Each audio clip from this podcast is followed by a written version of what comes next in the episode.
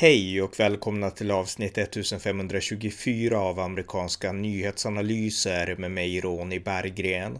En konservativ podcast som kan stödjas på swishnummer 070-30 28 95 0. NATO-frågan är med anledning av Rysslands invasion av Ukraina toppaktuell både i Sverige och Finland. Historiskt har vänstern varit de stora NATO-motståndarna, men idag finns även ett motstånd från delar av den Sverigevänliga högern. I detta avsnitt talar jag och John Gustafsson om varför konservativa svenskar bör vara NATO-vänliga och svara på frågor som rör NATO. Varmt välkomna! John Gustafsson, välkommen! Tack så mycket! Vi ska göra en Q&A, questions and answers, om eh, NATO. Det är så här att NATO är väldigt mycket i debatten nu i Sverige. Därför att eh, det diskuteras ett möjligt NATO-medlemskap. Det är samma diskussion i Finland.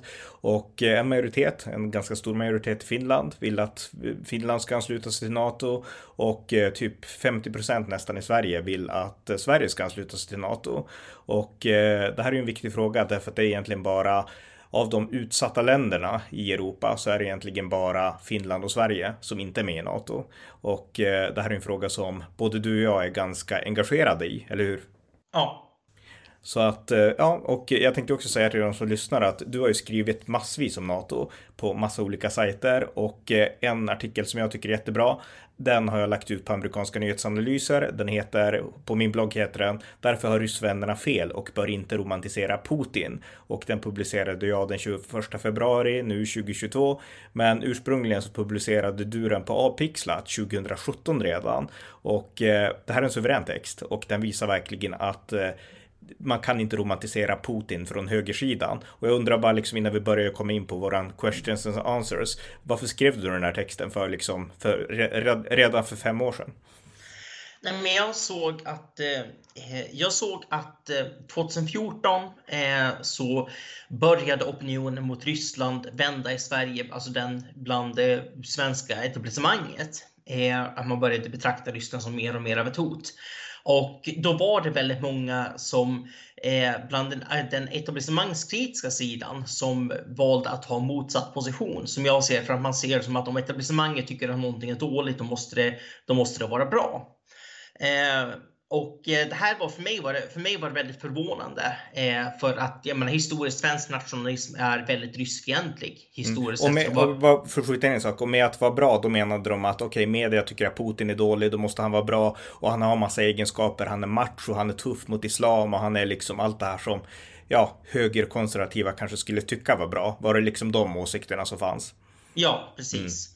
Mm. Eh, och eh, nej, men det här det är en konsekvens av en svartvit världsbild och den ser man alldeles mycket eh, i konservativa och sverigedemokratiska kretsar att eh, om, eh, ja, men om, du, om du inte är med oss är du emot oss och om liksom, media tycker en sak då måste det vara, då måste det vara motsatser. Det finns, liksom, det finns absolut ingen nyans och eh, det, är väldigt, det är väldigt tråkigt. Mm, och det var därför du skrev den texten. Jag ska läsa ett stycke ur den också, för den här. Äh, jag rekommenderar alla som lyssnar som inte har läst den att läsa den. Det finns på amerikanska nyhetsanalysers hemsida och den heter alltså Därför har ryssvännerna fel och bör inte romantisera Putin och den är publicerad den 21 februari 2022 och du gör ett liksom klockrent exempel här på varför man inte ska lita på Ryssland. Det här är det bästa jag läst faktiskt. Eh, du jämför först med Tyskland och det var ju så här att Tyskland styrdes av nazismen på 30 och början av 40-talet, eh, halva 40-talet då och eh, idag så finns finns det inga spår av nazism alls kvar i Tyskland. Tyskland har helt gjort upp med liksom nazismen och eh, du skriver så här.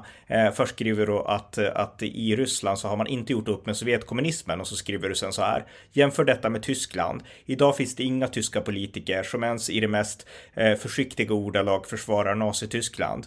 Angela Merkel, trots alla sina fel och brister, står inte där och velar och säger att ja, alltså de där koncentrationslägen var ju kanske inte var ju kanske ett steg, steg över gränsen. Men vi uppfann ju liksom autobahn också. Eh, I skolan ägnar man otroligt mycket mer tid, mer än något annat land, åt att lära sig om Nazityskland och förintelsen. Eh, och man lär sig precis som det var. Det var den mörkaste perioden i Tysklands historia och det finns inga ursäkter. Och sen den här sista meningen som du skriver då. Jag kommer att lita på Ryssland när Ryssland behandlar Sovjetunionen på det, på det sätt som Tyskland behandlar Nazityskland. Och det här är ju klockrent därför att Putin har verkligen tvättat liksom den sovjetiska historien, tonat ner Stalins utrensningar, liksom stängt ner museerna över Gulaglägren. Så han har gjort helt motsatt sak som eh, Tyskland har gjort. Ja, och, eh, och det var faktiskt en av de tidigare, tidigaste varningstecknen för att det var något som Putin började med långt innan invasionen av Georgien, långt innan eh, jag menar, den verkliga upprustningen av det ryska försvaret. Eh, så, så började man att tona ner, man började skriva om läroböcker, man började som säger lägga ner museum. det var liksom, man, man började odla en sorts revanschism ändå. Mm.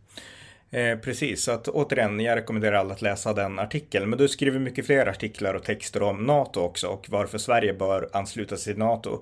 Kan du kort berätta lite om eh, ja, några av de texterna? För du skriver ganska många texter, både på amerikanska nyhetsanalyser men även på andra sajter. Kan du kort bara berätta om det? Ja, eh, ja eh, 2020 så skrev jag en artikel för The Ballpark eh, som handlade om varför, eh, varför Sverige, Sverige borde ansluta sig till NATO och varför, varför NATO borde låta Sverige gå med. Och eh, fokuset för den, för den texten det var ju den strategiska situationen som, eh, eller den strategiska positionen eh, som, eh, som Gotland har och, eh, som man, och det läge man skulle få vid ett eventuellt eh, krig som involverar Baltikum. Där via Gotland så kontrollerar man eh, eh luft och sjöfarten över, över, över Östersjön. Eh, så om Ryssland skulle, skulle ta Gotland så skulle man eh, ganska enkelt eh, kunna stoppa eh, förstärkningar från NATO eh, till Baltikum. Och det menade att det, den, det scenariot måste förebyggas. Mm. Och eh, det är det som många liksom varnar för nu också, liksom det här med just att det är Gotland som står i fokus om Sverige skulle bli anfallet och attackerat. Så att, eh, mm. Eh, ja men vad bra, men det var lite bakgrund. Eh, jag personligen är också en varm NATO-anhängare och har alltid varit det. Eh, och jag har nyss börjat läsa, jag har inte läst ut den, men det finns en relativt ny bok som jag köpte 2019 när den kom ut. Jag tror att det var 2019 och den heter NATO, historien om en försvarsallians i förändring av Ann-Sofie Dahl, eh, utgiven av Historiska Media. Och jag har inte alls läst så mycket i den, jag har läst kanske 30-40 sidor. Så att jag har inte läst ut den, men det lilla jag läste var väldigt intressant, så det är också en bok jag rekommenderar i det här sammanhanget. Och eh, eh, vi ska nu köra vårat eh, Q&A då. Och syftet, orsaken till det, det är egentligen att, eh, att bakgrunden är att Sverigedemokraterna har ju varit tydliga NATO-motståndare historiskt. Och nu har man börjat svänga i samband med den här krisen. Det började med att man pratade om en NATO-option eh, och att man var öppen för det. Och eh, det fortsatte med att man strök eh, Eh, ja, en skrivelse som fanns på hemsidan om balans mellan stormakterna och nu i takt med invasionen av Ukraina så har verkligen SD gått åt rätt håll skulle jag säga då. Eh, men man är inte helt på rätt sida än och det finns. Eh, Richard Jomshoff, han var ute och sa att partiet, alltså väljarna är ju delade i den här frågan och det tycker jag är oroväckande och eh, jag bad då folk på Facebook att skriva frågor liksom om NATO, vad de har för invändningar och liksom vad de undrar helt enkelt för att lösa den här knuten som är viktig att lösa. Så att eh, vi kör igång de här frågorna och eh, vi besvarar dem tillsammans helt enkelt. Så att första frågan jag fått, den är om nu NATO är så bra, varför hjälper de inte Ukraina? Ja, till att börja med, jag menar, nu skulle vi säga att NATO hjälper Ukraina väldigt mycket faktiskt. Däremot så hjälper man inte Ukraina med en flygförbudszon och man hjälper inte eh, Ukraina med, eh, med att skicka in trupper. Eh, så jag antar att det är det man, jag antar att det är man syftar på. Nej men, anled, nej men anledningen det är, jag menar först och främst, Ukraina är inte med i NATO. Det måste finnas någon sorts skillnad mellan ett medlemsland och ett icke-medlemsland. Eh, men det andra, eh, det är ju att jag menar, att skicka in trupper det innebär ett, jag menar, det innebär ett krig mellan, mellan Ryssland och NATO och det kan eskalera. Det kan bli kärnvapenkrig av det om det vill sig illa. Ja, det kan bli så att Ryssland bara viker ner sig. Det kan bli som en, jag menar det finns en risk där. En flygförbudszon, även om jag menar, jag säger inte att det är en dålig idé, men man måste vara medveten om vad en flygförbudszon är egentligen. För att folk tänker att ja, men vi bara säger att det är flygförbud här, ja men då kommer det inga stridsflygplan. Nej, en flygförbudszon, det innebär att NATO skjuter ner ryska plan, vilket innebär exakt samma sak som att skicka in styrkor på, på marken. Mm. Så, eh, nej men alltså NATO Eh, NATO, vill, NATO vill inte eskalera.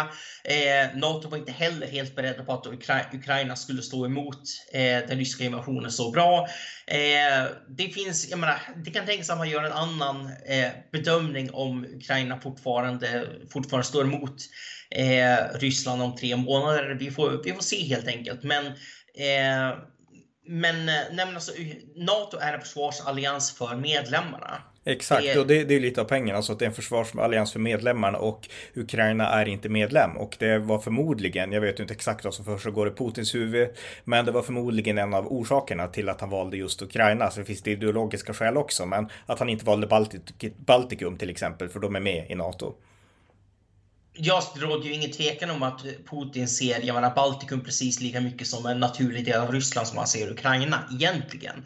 Eh, och Baltikum hade varit mycket lättare att ta, ta över eh, egentligen, egentligen också om det inte hade varit för just NATO-medlemskapet. Men eh, alltså, när NATO agerar som organisation så agerar man för att en av medlemmarna har blivit angripna. Mm. Exakt. Eh, nästa fråga då som vi kan gå vidare till det är eh, Bör inte en eventuell NATO-ansökan förankras hos folket? Alltså en folkomröstning. Eh, annars är det ett stort beslut att bara hasta iväg bakvägen, skriver en person. Eh, jag skulle säga mm, ja. Jag har inget emot en folkomröstning. Och eh, jag anser det som en, en, eh, en principiell sak när, när det gäller att överlåta jag menar, nationell självständighet. Eh, I fråga om nationell självständighet så ska man hålla en folkomröstning. Det gjorde vi även när vi gick med eh, i EU. Eh, sen Sen jag menar, jag hoppas på ett visst utfall i den, i den, folk, i den folkomröstningen, men jag har inget emot att man håller en, att man håller en folkomröstning. Eh, och det skulle också vara ett mycket tydligare, tydligare statement om en majoritet av svenskarna röstar för att gå med i NATO eh, jämfört om det sker genom jag menar, en uppgörelse mellan Socialdemokraterna och Moderaterna till exempel. Mm. Så, eh, så jag, jag har inget emot en folkomröstning. Eh, vi kan ta nästa fråga, så har jag något jag vill inflika här också, men den har, den har med samma sak att göra. Att om vi nu ska ha en folkomröstning, blir, det då inte lite skevt att ta den nu? Alltså när känslorna är som mest i gungning och vi är, ja, dels in mitt i en valkampanj, men också när vi är utsatt för direkt fara, därför att det är ett argument som andra använder. Liksom, det här är inte, nu kan vi inte tänka logiskt. Jag skulle säga så här att eh, jag tycker att den här frågan gör ett antagande och det antagandet gör att Rysslands beteende är ett sorts undantag. Nej, Rysslands beteende eh, som vi ser eh, mot Ukraina det är det nya normala. Det är så här Ryssland kommer vara nu. Ryssland kommer att hålla på eh, tills Putin-regimen faller att hota andra länder, att kränka andra länders luftrum, att göra... Menar, alltså, det, här är, det här är det nya normala nu, tyvärr. Vi kan inte vänta på, på att nej, men vi väntar tills det stiltje i, värld, i världen igen. Jag menar, det kan vara 20 år från nu. Och det, vad, vad, som helst, vad som helst kan hända, kan hända innan, innan dess. Sen vill jag också påpeka det här med att hålla eh, folkomröstning mitt i, mitt i en, eh, en, en valkampanj. Eh, folkomröstningen 1994 skedde också eh, mitt i en valkampanj, tre veckor efter valet närmare bestämt. 94 mm. eh, hölls EU-folkomröstningen. Eh, så det är, inget, det är inget konstigt, det är snarare ganska praktiskt att göra en sån, en sån fråga mitt i en, eh, mitt, mitt i en valkampanj. Mm. Eh, precis, och eh, jag skulle säga så här då att jag är också för en folkomröstning. Jag tycker att det är jätteviktigt. Eh, och den här konflikten, alltså liksom det finns inget, det här nya normala, det började för länge sedan. Det började inte med liksom det som nu har hänt i Ukraina. Det är viktigt att påminna om det. Ryssland har i mer än 12 års tid eh, gjort liksom övningar, även mot Sverige. 2015 gjorde man en enorm övning där man övade på att inta Gotland. Eh, så mm. att jag menar, det här är inte nytt. Det är viktigt att påminna det. Jag menar, då så jobbar regeringen, de vet ju att det här har pågått pågått länge, men allmänheten kanske tror att det började nu. Men, men så är det inte, utan vi kan se liksom Rysslands track record, Putins track record i de här frågorna. Eh, gällande folkomröstning så tycker jag det är bra och sådär, men i ett krisläge så kanske vi till och med inte ens hinner, utan skulle det vara så att det blir akut, att vi känner att nu är det ett akut hot, då tycker jag att om partierna är ense så ska de kunna gå med utan folkomröstning. Men det är ju bara en enorm kris liksom i sådana fall. Eh. Ja, och, och, genom, och genom att hålla en, en folkomröstning och om det blir positivt utfall utfall, utfall skicka in en medlemsansökan nu så minskar ju risken att vi hamnar i det, i det läget så att säga. Mm. Eh, nästa fråga. Eh, det handlar om när eh, Georgien invaderades 2008 av Ryssland och då bytte ingen fot står här då i frågan. Alltså då brydde sig ingen. Och inte heller när Ukraina invaderades 2014. Varför har, bliv, har det blivit en sån extrem NATO-hets just nu? Eh, frågans antaganden är felaktigt. NATO-stödet ökade vid båda tillfällena. Eh, det fanns i princip inget stöd alls för NATO i Sverige före 2008 och sen blev det lite mer och sen blev det ännu lite mer efter 2014 för att sedan bli en majoritet nu. Mm. Eh, så att antagandet här, här är fel. Men eh, Nej, men alltså både eh, det som skiljer invasionen 2008 och 2014 det är att Ryssland så hade inte för avsikt att ockupera Georgien, även om man hade avsikt att bryta ut en del, eh, en del av landet Sydossetien. Eh, och samma sak med eh, invasionen 2014 då man tog Krimhalvön. Eh, och jag säger inte att man inte skulle ha reagerat, för det skulle man då. Det fanns goda anledningar att gå med i NATO redan då. Men det, jag menar att reaktionen, eh, att reaktionen skiljer sig, det beror på att det fanns det fanns fler ursäkter för de invasionerna. Det Ryssland gör nu, det är att man ger sig, man ger sig på ett annat land för att ockupera och inför, införliva det landet i sitt eget land. Mm. Och sen skulle jag också säga att det var längre bort. Alltså det kändes inte lika nära för oss Georgien. Det tillhör ju liksom våran kultur och civilisation och så. Men det ligger ändå liksom bortom Turkiet så det känns inte som Europa och det är inte Europa heller. Medan eh, Ukraina är Europa och det är liksom ett grannland direkt till EU. Så att eh, det har väl med det också att göra, närheten. Ja, och sen skulle jag också lägga, lägga till en till sak. Eh, vid Krimhalvön 2014 så skedde det i princip inga strider alls. För att Ukraina hade liksom, de hade inte den militära kapaciteten att stå emot Ryssland. Eh, stridsmoralen var väldigt dålig, organisationen var väldigt dålig. Man blev tagna helt på sängen av, eh, av den ryska invasionen. Eh, så det skedde, det skedde inte så jättemycket strider, det blev inga jättestora flyktingströmmar heller av det. Och det andra som har, som har skett eh, jämfört med nu och 2008-2014, det är att alla har en smartphone. Mm. Lag. Det var många som hade det redan 2014, en del som hade det 2008, men typ alla har den idag. Och det gör också att vi får se krigets fasor i hö, högupplöst bild och film. Mm. På ett sätt som vi aldrig har fått tidigare. Och det gör också att man reagerar mycket, mycket mer. Och, kombination, eh. och kombinationen av de sakerna. Dels att det inte var så blodigt, liksom när de tog över Krim. Eh, och att det är liksom mycket mer, alltså det var ju mycket live då också såklart. Men liksom det fanns inget att rapportera. Då var det inte de här blodiga krigsscenerna som vi kan se nu. Men nu kan vi se dem och så kan vi tänka, för det är så jag tror många tänker. Oj då, det händer sådana där hemska saker så nära. Eh, kan de hemska sakerna hända oss också? Det är ju garanterat så folk tänker i Finland och Sverige nu när man liksom börjar överväga NATO. Ja, och för många svenskar så är det ett väldigt yrt uppvaknande. För vi brukar ju tänka liksom att, jag menar det svenska nationella mottot, det är ju i princip, jag menar det händer inte här. Mm. Det, det, är så, det är så vi tänker med alla katastrofer tills de händer här. De händer inte här, det händer i resten av världen. Men inte här. Och nu så går det upp för oss att det kanske, kanske, kanske skulle kunna hända här. Mm, precis. Eh, om jag skjuter in en fråga själv som, som jag kommer på nu. Du har ju bott på Irland och Irland är också ett land som inte är med i NATO. Men jag skulle gissa att debatten där är inte lika viktig och inte lika aktuell. Nej, eh, nej men alltså, Irland ligger dels mycket längre ifrån Ryssland. Ryssland har inga strategiska intressen eh, vad gäller Irland. Eh, Irland är under det brittiska eh, kärnvapenparaplyet så att säga. Eh, nej men alltså, inget land skulle kunna ge sig på Irland utan att eh, också hamna i krig med Storbritannien. Och det är få länder som skulle kunna, skulle kunna fixa det. Så det är Eh, nej, men Irland, Irland har inget egentligt behov av att vara med i NATO. Och eh, man ska också säga att Irland, jag menar, det finns en fördel med att det finns vissa länder som Irland, som Schweiz, som ändå håller sig neutrala. Eh, och eh, jag menar, det, finns, det finns en fördel av att ha länder som kan agera som medlarländer. Nu kan inte Sverige göra det för att hotet ligger för nära eh, våra gränser. Så i det här läget måste vi göra avkall, avkall på vår neutralitet. Men Eh, nej, alltså NATO skulle inte gynnas särskilt mycket av att Irland gick med. Irland har väldigt, väldigt liten mil militärmakt. Eh, USA har redan eh, sedan tidigare haft tillstånd att använda Shannon Airport på västra Irland som, som bas för att göra mellanlandningar när man flyger över Atlanten. Eh, nej alltså, Irland, Irland ingår i ett, i, liksom, i ett samarbete med NATO. Man skyddas i praktiken av ett flertal NATO-länder som inte skulle tillåta att Irland invaderades. Eh, och eh, nej, och man, man, har, man har inte mycket att vinna av ett formellt medlemskap och det gäller båda parterna. Mm, just det.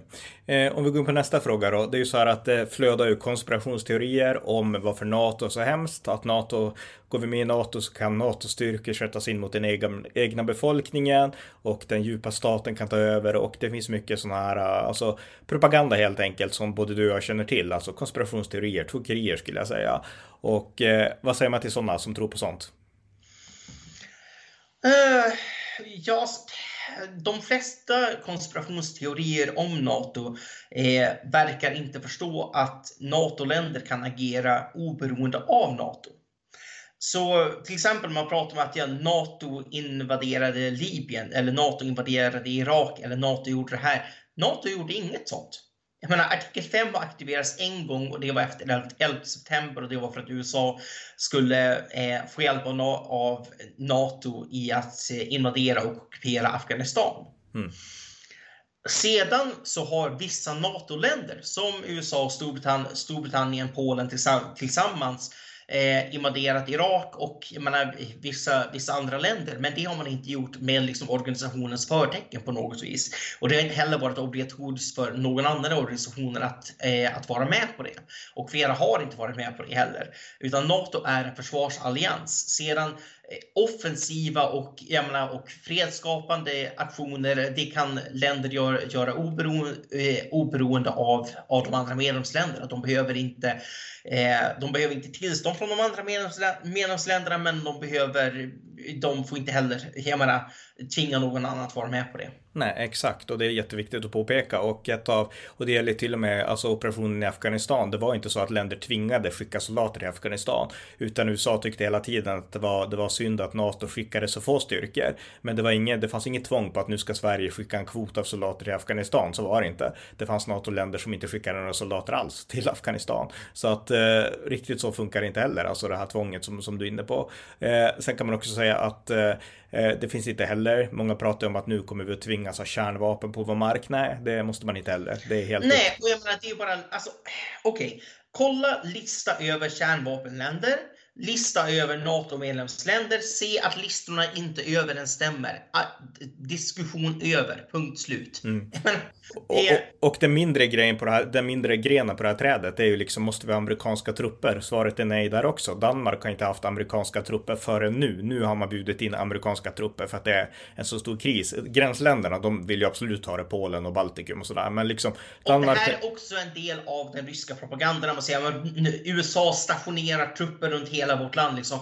Nej, alla som bor runt Ryssland vill att USA ska ha trupper på, det, på deras mark ifall Ryssland får för sig någonting. Och det beror på att Ryssland har varit en, jag menar, Ryssland har varit ett hot mot resten av Europa i hundratals år. Mm. Och NATO är inte ens den första försvarsalliansen mot Ryssland. Redan på 1500-talet bildade man försvarsallianser bland de som bodde nära Ryssland, bildade allianser för att kunna stå emot, stå emot Ryssland. Det här är liksom inget nytt. Nej, exakt. Och vi kan komma ihåg också, alltså det här, nu ser du Ukraina, de är fruktansvärda, där man bombar civila och bombar sönder städer. Det här är en rysk taktik som Ryssland har använt liksom i hundratals år, alltså bränna byar och bara skövla totalt. Ba, och alltså... det var också så man vann i Poltava. Mm, okej, okay, okej. Okay. Mm. Nej, men alltså det... Sverige var väldigt djupt inne i Ukraina och Ryssland hade använt brända jordens taktik och bränt ner precis allt som fanns på, liksom, vä på, på vägen. Så det fanns ju inga, eh, det fanns ju inga, eh, ingen mat eller något, någonstans att ta, ta skydd eller någonting och det tog väldigt hårt åt eh, de, svenska, de, svenska, de svenska trupperna. Mm. Så den svenska armén var väldigt illa tilltyglad när man, när man sen blev eh, tvungna att ta den fighten vid, vid Poltava och då var, ja, det var över innan det ens hade börjat egentligen. Men just det visar ju behovet av försvarsallianser och det är exakt det NATO är, en försvarsallians. Jag tycker det var jättebra att du påpekade att det här är liksom att USA tar över överallt. Alltså det, det är rysk propaganda och det bygger på att eh, dels är ju det faktumet intressant och sen bygger det också på tron, vanföreställningen att USA skulle vara en ond makt som gör massa onda saker liksom. Och eh, de tankarna finns ju också tyvärr ganska spridda inom den här Sverigerörelsen som är väldigt mycket vänster när man börjar granska den tyvärr i utrikespolitiska frågor. Så att, eh, ja. Det har alltid varit förvånande för mig, för mig hur personer som alltid ställer sig emot mainstream media ändå tror på allting mainstream media säger om USA, om USAs historia, om George W. Bush, om NATO och så vidare. Alltså att läsa liksom eh, valfritt alternativ media kommentarsfält om NATO, det är ju som att läsa jag menar, DN, DN kultur i princip. Ja, precis. Men de minns inte det, för de hängde inte med amerikansk politik då när det var exakt de här svartmålningarna. Det var en eh, temaundersökning 2006 där man frågade svenska folket då vilket man ansåg var det största hotet mot världsfreden. Och eh, gissa vilket land man svarade? Man svarade USA. så att man, svar, man svarade liksom inte, jag tror tvåa tror jag var Iran eller om det var Nordkorea, men Ryssland kom långt ner. Så att eh, det är liksom, det säger ganska mycket om hur det svenska medieklimatet har varit. Alltså den här antiamerikanismen som är väldigt spridd inom, såklart inom Vänsterpartiet och så, och även inom socialdemokratin. Men som tyvärr också finns på högersidan. Och eh, det, det är väldigt beklagligt och just nu så är det väldigt allvarligt att, att den finns, för nu behöver vi liksom få en enad högersida, ett enat högerkonservativt block som är för NATO skulle jag säga då. Eh, men vi kan hoppa till nästa fråga, för det finns ju många som menar att kan vi ta nordisk försvarsunion istället? Och eh, en variant på den frågan, det är att kan vi ta en EU-armé istället? Vad är dina liksom tankar kring ja, båda dera, både Nordisk union och en e EU-armé som alternativ eh, ersättning till NATO? Eh, nej, eh, när det gäller en nordisk, alltså problemet med alla försvarssamarbeten, det är att eh, ingen vet om de fungerar förrän de testas eh, på allvar. NATO har testats. Vi vet att om ett NATO-land attackeras så rycker de andra in. Vi, har, jag menar, vi vet att, att NATO fungerar. Eh, vi vet inte om ett nordiskt samarbete skulle fungera. Sen ska vi också säga att eh, Alltså de flesta, jag menar Finlands militär är väl bra, men de flesta, jag menar nordiska länder har inte mycket att, att bidra med i övrigt. Jag menar det är inte, det är långt ifrån säkert att det där leder till en, att det där är så avskräckande som folk kanske tror, kanske tror att det är. Så en europeisk eh, försvarsallians Eh, sen, innan, innan jag går in på det, sen vill jag också bara säga det här. Det är lite för sent att komma på nya försvarsallianser nu. Det är lite för sent för det. Allianser tar tid att bygga. Det tar tid. Militärerna måste träna, tillsammans, de måste koordinera, de måste öva strategi. Eh, Alltså det, det är väldigt sent att börja det, det, är säga, extre, det är en extremt akademisk fråga att ställa mitt i ett krig. Ja, precis. Det är väldigt, väldigt akademiskt. Men, nej, men det största problemet med en europeisk försvarsallians är att den skulle vara styrd av EU. Och eh, nej, men EU, har inte, EU har inte modet att stå att stå emot eh, Ryssland. Eh, EU ägnar sig åt, jag menar, EU är perfekt för akademiska diskussioner, om man säger så, men de är inte perfekt, de är långt ifrån perfekta, de är inte ens bra när det kommer till verkligt allvar, när det kommer till kriser som behöver ett snabbt svar. Eh, och, eh, och man är dessutom alldeles för politiskt korrekta. Och eh, jag menar, nej men alltså EU, EU skulle, skulle inte kunna, kunna skicka ut, eh, skicka, skicka ut liksom trupper till att liksom verk, verkligen, verkligen ni ska, jag menar, ni ska dö och döda om man säger så. Det skulle, det skulle EU aldrig kunna göra. Man har inte den nerven, man har inte liksom man, man har inte den ryggraden som krävs, även om, det, även om situationen skulle, skulle behöva det. Det, liksom, det, finns inte. Nej, och två reflektioner där. Det är dels att jag menar, tänk eh, eh, von der Leyen, eh, EUs kommissionens ordförande, som är EUs president om man säger så. Eh, hennes liksom, skulle hon kunna vara tuff mot Putin på riktigt? Eh, jämför henne med Boris Johnson, alla hans brister till trots. Jag menar, det är inget snack om att Boris Johnson, man märker att han har ett imperium i ryggen ungefär. Och han, han kan sin ja, brittiska nej, historia. Nej, men Boris, Boris Johnson är ju en beundrare av det brittiska imperiet. Han ser det verkligen som att han han ser det ju verkligen som att han följer Storbritanniens liksom, stolta historiska tradition av att stå, i, stå upp mot mot tyranni och stå upp mot, stå upp mot diktaturer och, eh, och stå, stå upp mot förtryck. Mm. Så jag menar, han, jag menar, han, han, har, han har ryggrad när det gäller, verkligen. Eh, sen, jag menar, sen har han, jag menar, vi har haft flera poddar, vi har diskuterat hans liksom, eh, personliga klantande på vissa områden. Men jag menar, i valet mellan von der Leyen och Boris Johnson, det är väldigt lätt och det är Boris Johnson såklart. Ja, och jag skulle säga en sak till också. Det gäller USA. Så Joe Biden har fått väldigt mycket kritik för att han är gammal och trött och vare sig du eller jag är ju demokrater. Men hela poängen är att nu när den här konflikten har kommit till. Visst, man kan gnälla på liksom taktiska beslut och sådana saker och att han borde vara ännu tuffare och han borde ha fattat det här tidigare. Men borde den... agerat lite tidigare kanske, men. Absolut, ja. men det är ändå han som har haft ryggraden här. Det är inte Europa, utan det är Biden som har styrt upp det i USA. Alltså han känner också att det är vi som är supermakten. Det är vi som har vunnit kalla kriget. Alltså man märker det. Man kan tycka vad man vill att det vore bättre med en Ronald Reagan 2.0 0. Men Biden har också i sig. Han har de här gamla liksom stormaktsinstinkterna som Sverige absolut inte har och som Tyskland inte har. Ja, och jag menar, vad man än, vad man än må, tyck, må tycka om Joe, Joe Biden, så jag menar, till och med de sämsta amerikanerna är bättre än de europeiska ledarna. Det är liksom, det är, nej men alltså, det, det, det, det är liksom, när det, gäller, när det gäller utrikespolitik så ligger USA på en helt annan nivå. Ja, precis. Och en sak till också som är svagheten med både såklart en nordisk union men även med en EU-armé, det är att eh, kärnvapenparaplyet är ingen liten grej. Det är en extremt stor grej för att avskräcka Ryssland. Eh, och det var så det funkade under kalla kriget. Och kärnvapenparaplyet, alltså Europa har två kärnvapenmakter. Det är Frankrike som är med i EU och det är Storbritannien som inte är med i EU. Och jag menar de stora kärnvapenmakterna, eller störst i USA då, men det är Storbritannien och USA. Frankrike är minst. Och de har ingenting att sätta upp mot mot Ryssland och de kan inte bygga ett liksom kärnvapenply över hela Europa. Det går liksom inte. Nej. Utan kärnvapenparaplyet i praktiken är i USA, men USA och Storbritannien. Så jag menar, är det bara en EU-armé så har vi bara Frankrike. Och de, har, de kan prata högt säkert, men i praktiken så har de inget, de har inget att säga. Jag ser ingen fransk ledare som skulle kunna trycka på knappen vad som än händer. Och det får mig att, jag tror att Putin gör samma bedömning. Jag tror inte han skulle vara avskräckt av eh, Frankrikes liksom, kärn, kärnvapenmakt, för den kommer aldrig att användas. De har inte i sig. Nej, exakt. Och det är en bra peng. De har inte i sig, men det har amerikaner och det har britter. Så att det är det ja. som är skillnaden. Mm. Ja, väldigt bra. Eh, vi kan gå vidare till nästa fråga och den har att göra med att eh, eh jag ska läsa här. Alltså om vi går med i NATO, innebär det inte att vi kan tvingas att kriga på andra sidan världen, till exempel i Turkiet och liksom, alltså att svenska pojkar ska dö liksom på andra sidan jorden? Um, uh, ja och nej. nej men alltså återigen.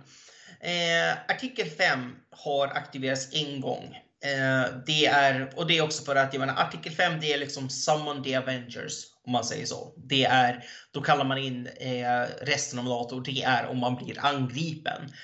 Eh, så, då är också, så då är ju frågan, jag menar, skulle Turkiet eh, aktivera, aktivera arti, eh, artikel 5?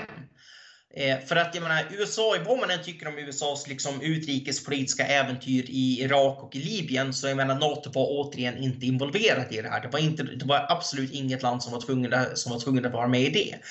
Så, utan det scenario där, där Sverige skulle eh, tvingas hjälpa till, det är om Turkiet aktiverar artikel 5.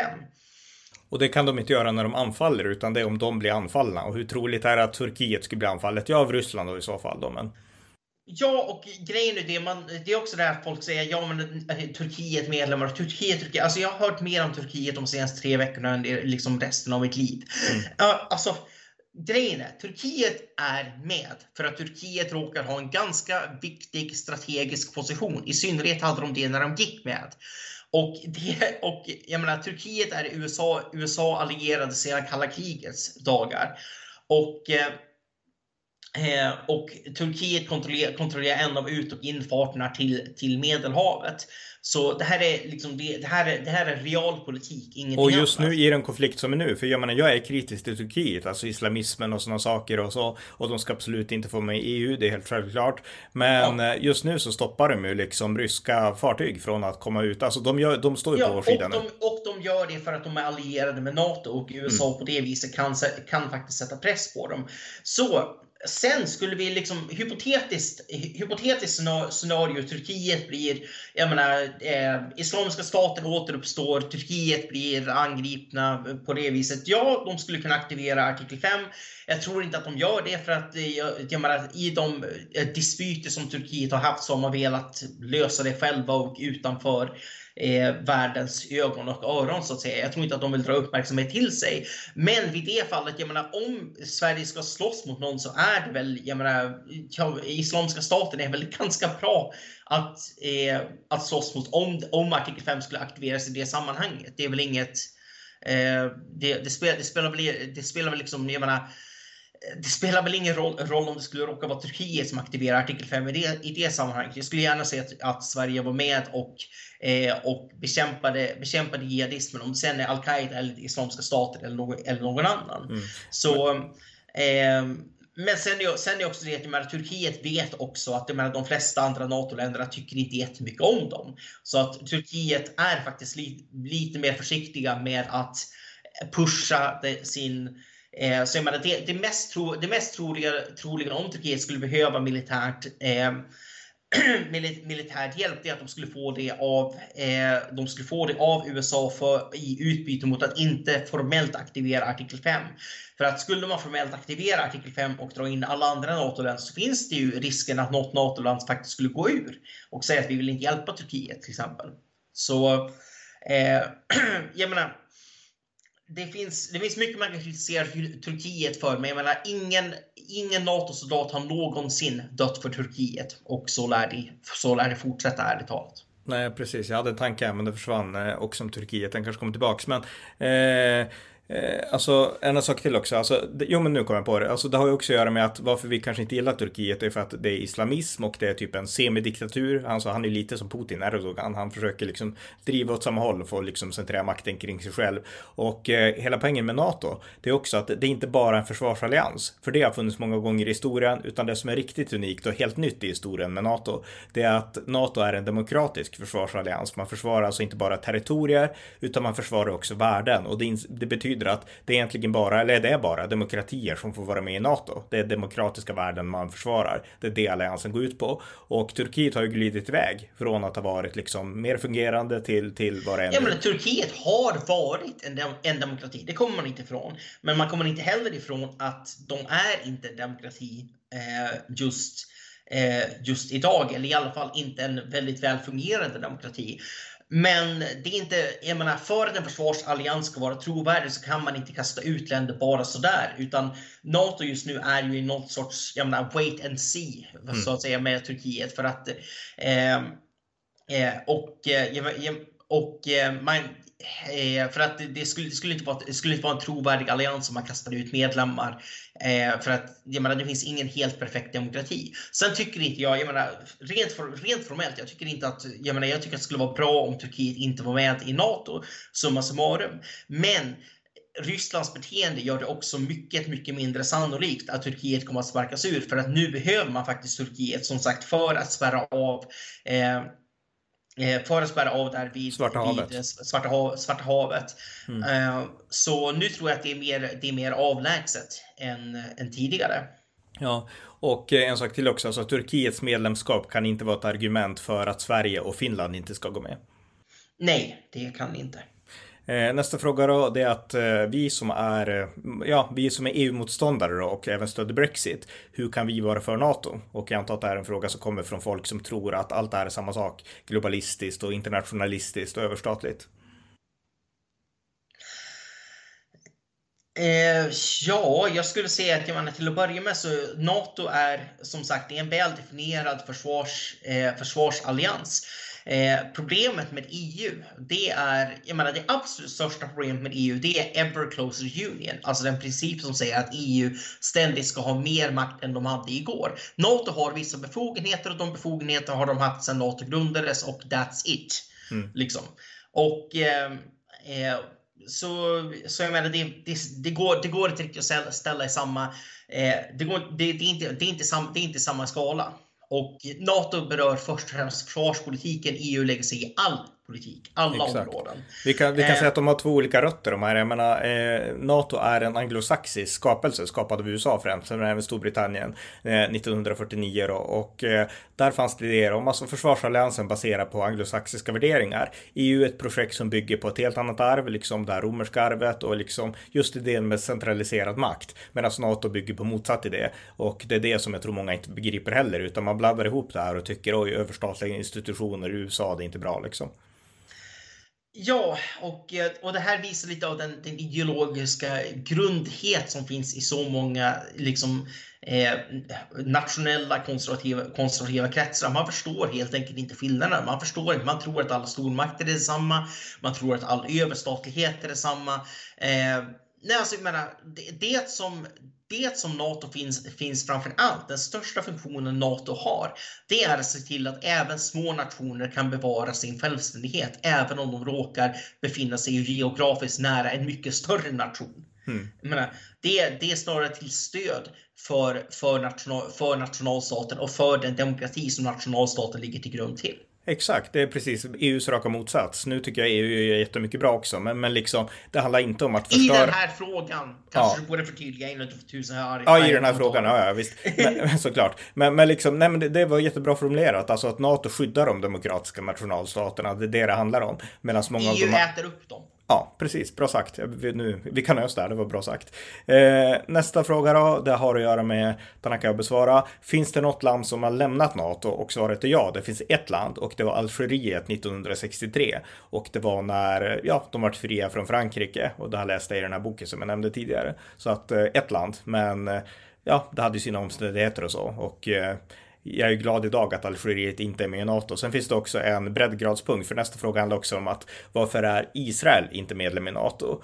Och dels har det att göra med att Israel är, ja, det, det ligger inte på rätt breddgrad. Alltså North Atlantic Treaty handlar liksom om länderna som gränsar till Nordatlanten och det gör inte Israel. Eh, Israel bildades 1948, NATO skapades 1949 så det var inte aktuellt så. Och sen så är det ju, alltså, eh, jag, jag tror Sovjetunionen nämns inte i NATO-fördraget, men alltså alliansen byggdes och skapades för att skydda länder mot Ryssland och eh, Israel är liksom inte inom radarn för en rysk hotbild just nu i alla fall.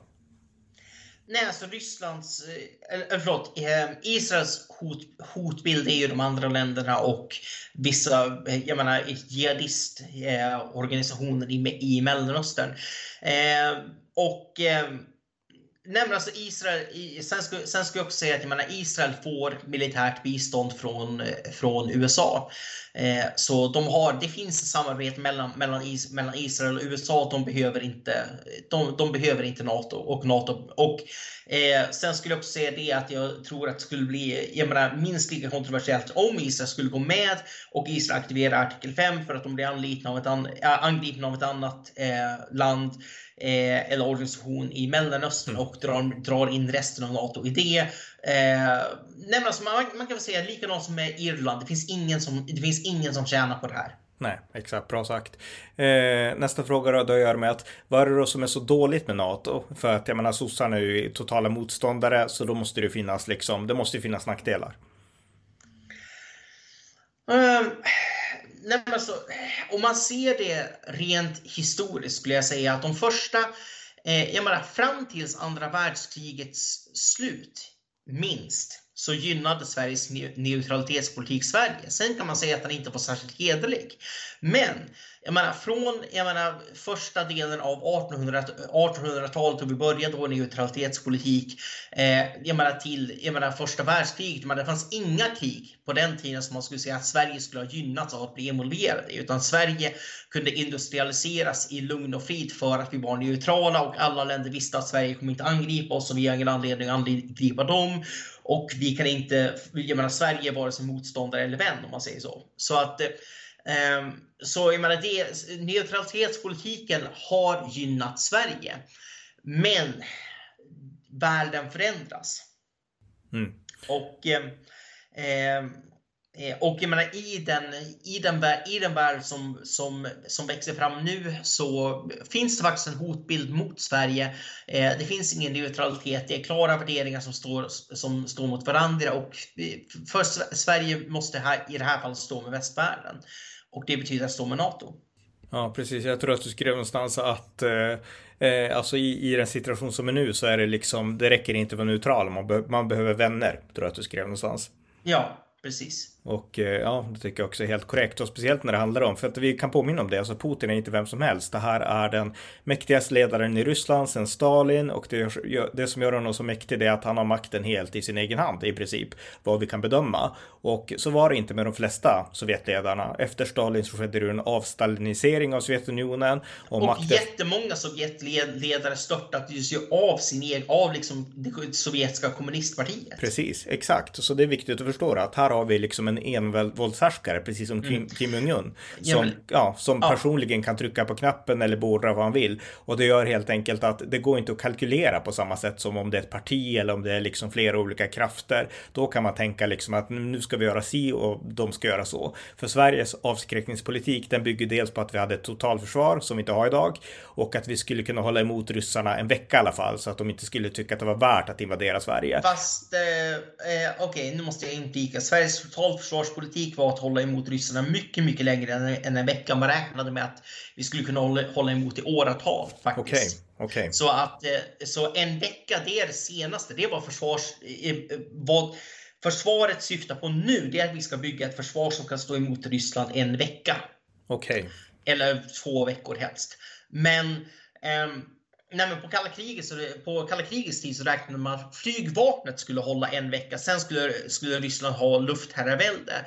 Men Eh, efter det så är det strider till FÖS som skulle ta, som skulle ta månader. Sen när, när ryssarna försöker landstiga så har Sverige eh, kustjägare som kommer ge, ge dem ett helvete. De skulle behöva alltså gå centimeter för centimeter in i landet. Och sen hade vi dessutom varenda svensk i princip som gjorde eh, lumpen gjorde vintermanöver som gick ut på att man skulle överleva man skulle kunna överleva i skogen, alltså bedriva gerillakrig mm. även, även vintertid. Och man hade, eh, man hade så, sån, eh, jättemånga olika förråd som var utspridda på liksom vanliga bondgårdar. Det var, det var gjort för att ge ryssarna ett helvete att inte kunna, eh, inte kunna, hålla, eh, inte kunna hålla Sverige. Så, eh, men, med det sagt, men med det sagt, så även på den tiden så var man ju med på att om eh, att Sveriges neutralitetspolitik syftar till, att hålla, syftar till att hålla freden.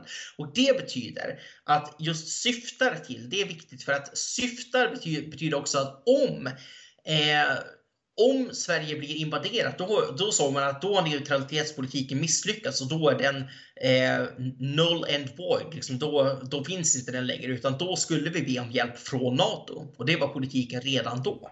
Ja, men det är viktigt att förstå också eftersom vi inte var och inte är medlemmar i NATO så har NATO inget krav att gå in i och skydda Sverige. Och det är ju jätteviktigt att förstå, speciellt, eh, jag menar det är därför Ukraina har blivit anfallet just nu i alla fall. Eh, för att de har inget beskydd av NATO och eh, medlemsländerna skulle själva kunna säga nej men vi, vi tycker att det är för högt pris att, att konfrontera Ryssland och ha samma argument som man har nu i Ukraina egentligen. Om, så att jag menar, vi har inte garantierna. Sen är det viktigt också att betona att eh, Socialdemokraterna sen övertagandet av Krim eh, 2014 och det här börjar ju lite tidigare också, så har man liksom ökat samarbete med NATO enormt. Så att nu är vi ju i praktiken med i NATO förutom på pappret. Så att vi har redan alla former av samarbeten förutom att vi inte har det kollektiva beskyddet. Jag menar, vad är det?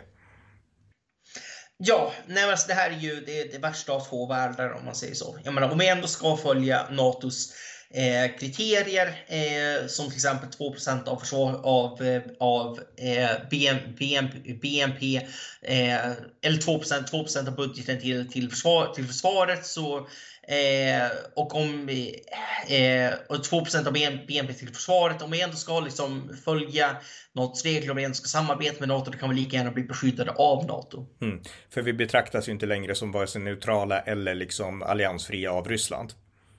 Nej, det gör vi ju definitivt inte. Sen, så tror, sen tror inte jag att Ryssland bryr sig så jättemycket i längden. Men det, det var ju mest, mest en för, förevändning. Mm precis. Ja, vad bra. Ja, det var de frågorna jag hade. Är det något mer vi behöver liksom säga och förtydliga här liksom? Eh, ja, bara en sak angående det europeiska försvarssamarbete. Det finns ju en europeisk, eh, eller EU har ju en mutual defense clause, alltså en gemensam försvars, en klausul som säger i princip att om ett medlemsland som blir angripet så Um, så eh, kommer de andra medlemsländerna att, eh, att hjälpa till. Men Eh, det här är bara, eh, den klausulen är dock väldigt vag. För den säger bara att, att de andra länderna ska hjälpa till med liksom till de tillbudstående medel, eller efter bästa förmåga tror jag att det står exakt. Och efter bästa förmåga, jag menar, det, det, kan vara många länder som säger att ja, men vi har ingen förmåga att bedriva krig mot Ryssland. Liksom. Vi, har ingen, vi, vi har, det här ligger utanför, utanför vad vi, vad vi kan åstadkomma. Så ja, tough luck. Ja, men det, det, var viktigt. Det var jättebra att du påpekade det här, för det var exakt den här stadgan som eh, försvarsminister Peter Hultqvist hänvisade till på SVT häromdagen när han intervjuades på SVT 30 minuter och då sa han att det här har vi ju liksom. Men det betyder ingenting och därtill så är det EU. Jag menar, EU är inte NATO. EU har inte militärstrukturerna. EU har inte Storbritanniens och USAs militär. Alltså EU har ingenting. USA, USA har in, eh, förlåt, EU har inga strukturer för att fatta ett beslut så snabbt som NATO kan fatta det. Nej. För att om Ryssland skulle attackera Sverige, då handlar det om ett antal timmar. Liksom, vi handlar ju att de trupper vi har på Gotland kan hålla Gotland, ja, kanske vad, 6-12 timmar kanske, liksom mot en, full, en fullskalig invasion. Det handlar om att då måste vi ha ett snabbt svar. De måste snabbt komma dit förstär förstärkning för när de är utslagna och det finns liksom eh, luft, luftvärn och an, annat installerat på eh, installerat från, från Gotland, då är det, blir det väldigt svårt att ta, att ta tillbaka. Och från Gotland kan man dessutom ganska lätt slå mot, slå mot Stockholm om Sverige skulle fortsätta göra motstånd. Så jag menar, det, det här, jag menar, det här, jag menar, EU är byggt nästan för att vara eh, i princip en, en talking shop, liksom en mm. tankesmedja mer mm. än för att, för att fatta kritiska beslut i akuta lägen. Det är, det är inte EU byggt för. Nej, precis. Eh, om vi ska avrunda bara lite allmänt prat, för jag skulle vilja spåra den här liksom, det här motståndet som finns. Alltså grunden till det, det är ändå, ja, dels kanske rädsla för Ryssland, alltså man vill vara, men det är också en viktig poäng. Alltså om vi nu gör så här, om vi tror att det bästa för oss är att inte gå med, då gör vi det för att vi är rädda för Putin, alltså han skjuter om vi går med liksom. Så att det är rädsla är en orsak, tror jag, till att det finns NATO-motstånd kvar. En annan, och den kanske ännu större orsaken, det är antiamerikanismen, alltså att Sverige är så totalt marinerat i det här liksom irrationella nationella USA-hatet. Och eh, den, det har ju alltid funnits på vänsterkanten i Sverige, Vänsterpartiet i synnerhet. Men det finns också på högerkanten och det här måste vi verkligen trycka undan. Eh, vi måste verkligen upplysa om att grunden till den världsordning vi har idag med liksom demokratier i Asien, Japan, Sydkorea, Taiwan och så vidare och demokratierna i Europa. Det beror på USA, USAs styrka, Storbritanniens också, men framförallt idag USAs. Och eh, jag menar, de här fria demokratiska nationalstaterna som Sverige, vänner och andra andra värnar. Det är tack vare USAs Pax Americana överbegripande beskydd av världen. Hade inte det funnits, då hade imperierna tagit över igen. Ja, verkligen. Mm. Ja, vad bra. Så att, ja, men bra, då kan vi avrunda. Men det här är, det är viktigt att ni som lyssnar förstår det här, därför att jag tror att NATO-frågan är en ödesfråga för Sverige. Och, eh, och definitivt en stor valfråga i höst, kan vi ju tillägga. Vi kan ju påminna då om att vår statsminister Magdalena Andersson, hon ville inte att det här skulle bli en valfråga. Eller om det var en Linde, jag minns inte. Men, men... Jag misstänker, alltså jag börjar fundera på om det här invasionen nu inte skulle ta slut väldigt liksom hastigt och lustigt, vilket det inte finns några tecken på. Det här ser ut att bli ett utnämningskrig. Jag misstänker att det kan sluta med att man utlyser en folkomröstning för att slippa diskutera det här under valet. För att då blir det som att ja, vi kommer respektera folkomröstningsresultatet och liksom, det här tar vi en separat kampanj. Liksom så, för att eh, det, det, kän, det känns som att det kan sluta så faktiskt. Och det gör det ännu viktigare att upplysa de här skeptikerna på högerkanten så att vi får ett enat liksom, pro-NATO-block. Mm. Okej, okay, tack John. Tack själv. Det var avsnitt 1524 av amerikanska nyhetsanalyser. En konservativ podcast som kan stödjas på swishnummer 070-30 28 95 0 eller via hemsidan på Paypal, Patreon eller bankkonto. Det var allt för idag. Tack för att ni har lyssnat.